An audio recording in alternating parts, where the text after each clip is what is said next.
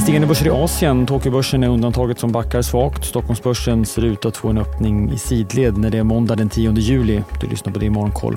Jag heter Alexander Klar.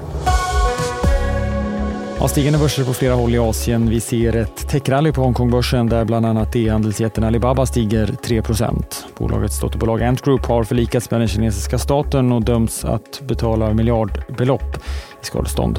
Hongkongbörsen är upp nästan 1% medan börsen i Fastlandskina stiger något mindre. Och från Kina har vi också fått lägre inflationstakt än väntat, närmare bestämt ingen alls. Mätt som KPI var inflationen oförändrad i juni sett i årstakt. Det är den lägsta nivån på två år. Samtidigt sjönk landets producentpriser mer än väntat i juni minus 5,4 procent ställt mot samma månad förra året. Även det är ett rekord. Det var nionde månaden i rad som producentpriserna föll och i den snabbaste takten på sju år.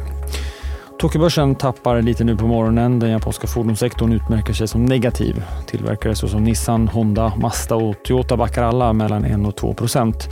Och samtidigt ser vi att de japanska räntorna stigit och valutan, den japanska yenen, tappat något mot dollarn. Den amerikanska finansministern Janet Yellens besök i Kina avslutades i helgen. Båda sidorna beskriver att besöket lett till vissa framsteg i de djupfrysta relationerna mellan länderna. Yellen kallade samtalen för direkta, sakliga och produktiva. Sverige så. Flera svenskar tror på stigande bopriser. Banken SEBs boprisindikator steg igen. Mätningen som kom i morse visar att 39 procent av de tillfrågade tror på stigande priser det kommande året medan 25 procent tror på fallande. En avgörande faktor såklart för boprisutvecklingen, Riksbankens agerande och senare under morgonen får vi Riksbankens protokoll från det senaste mötet. Det är i slutet på juni då Riksbanken höjde räntan med 25 punkter.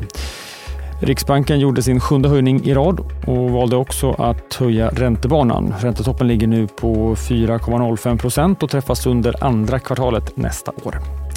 Idag får vi också en fastighetsrapport. Det kom ju flera från just den sektorn förra veckan. Idag rapporterar Wihlborgs. Annars är det en ganska lugn dag, men senare i veckan höjs tempot ganska rejält. När det gäller rapporter så kommer fler redan imorgon tisdag. På tal om fastigheter, fastighetsbolaget Nyfosa, även investmentbolaget Kinnevik rapporterar liksom Öresund. Sen ökar tempot ytterligare. För svensk del är fredag den tyngsta rapportdagen den här veckan med flera av börsens allra största bolag. Ericsson ett av de bolagen som rapporterar. Det gör även fastighetsbolaget SBB, liksom Avanza, Castellum, Peab och Axfood för att nämna några. Från USA så får vi bankrapporter i slutet av veckan, vilket brukar ses som startskottet för den amerikanska rapportperioden. Och för övrigt så sänder DTV Rapportmorgon med start fredag den 14. Var med oss från klockan sju så sänder vi igenom börsöppningen och fångar även upp svensk inflation som kommer under morgonen. Och förutom rapporter så är det en ganska tung makrovecka som ligger framför oss, kanske framförallt centralbanksvecka. Flera ska nämligen ge besked, bland annat Sydkorea, Nya Zeeland och Kanada.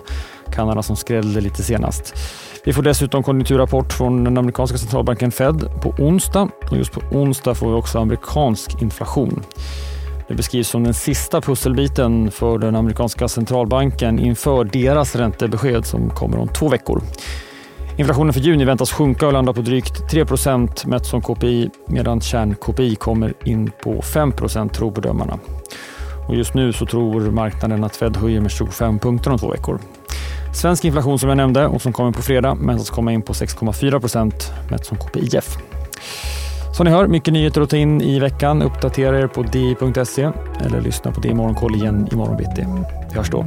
Jag heter Alexander Klar.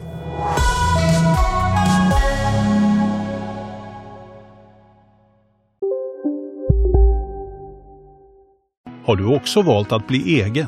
Då är det viktigt att skaffa en bra företagsförsäkring. Hos oss är alla småföretag stora och inga frågor för små. Swedeas företagsförsäkring är anpassad för mindre företag och täcker även sånt som din hemförsäkring inte täcker. Gå in på swedea.se företag och jämför själv.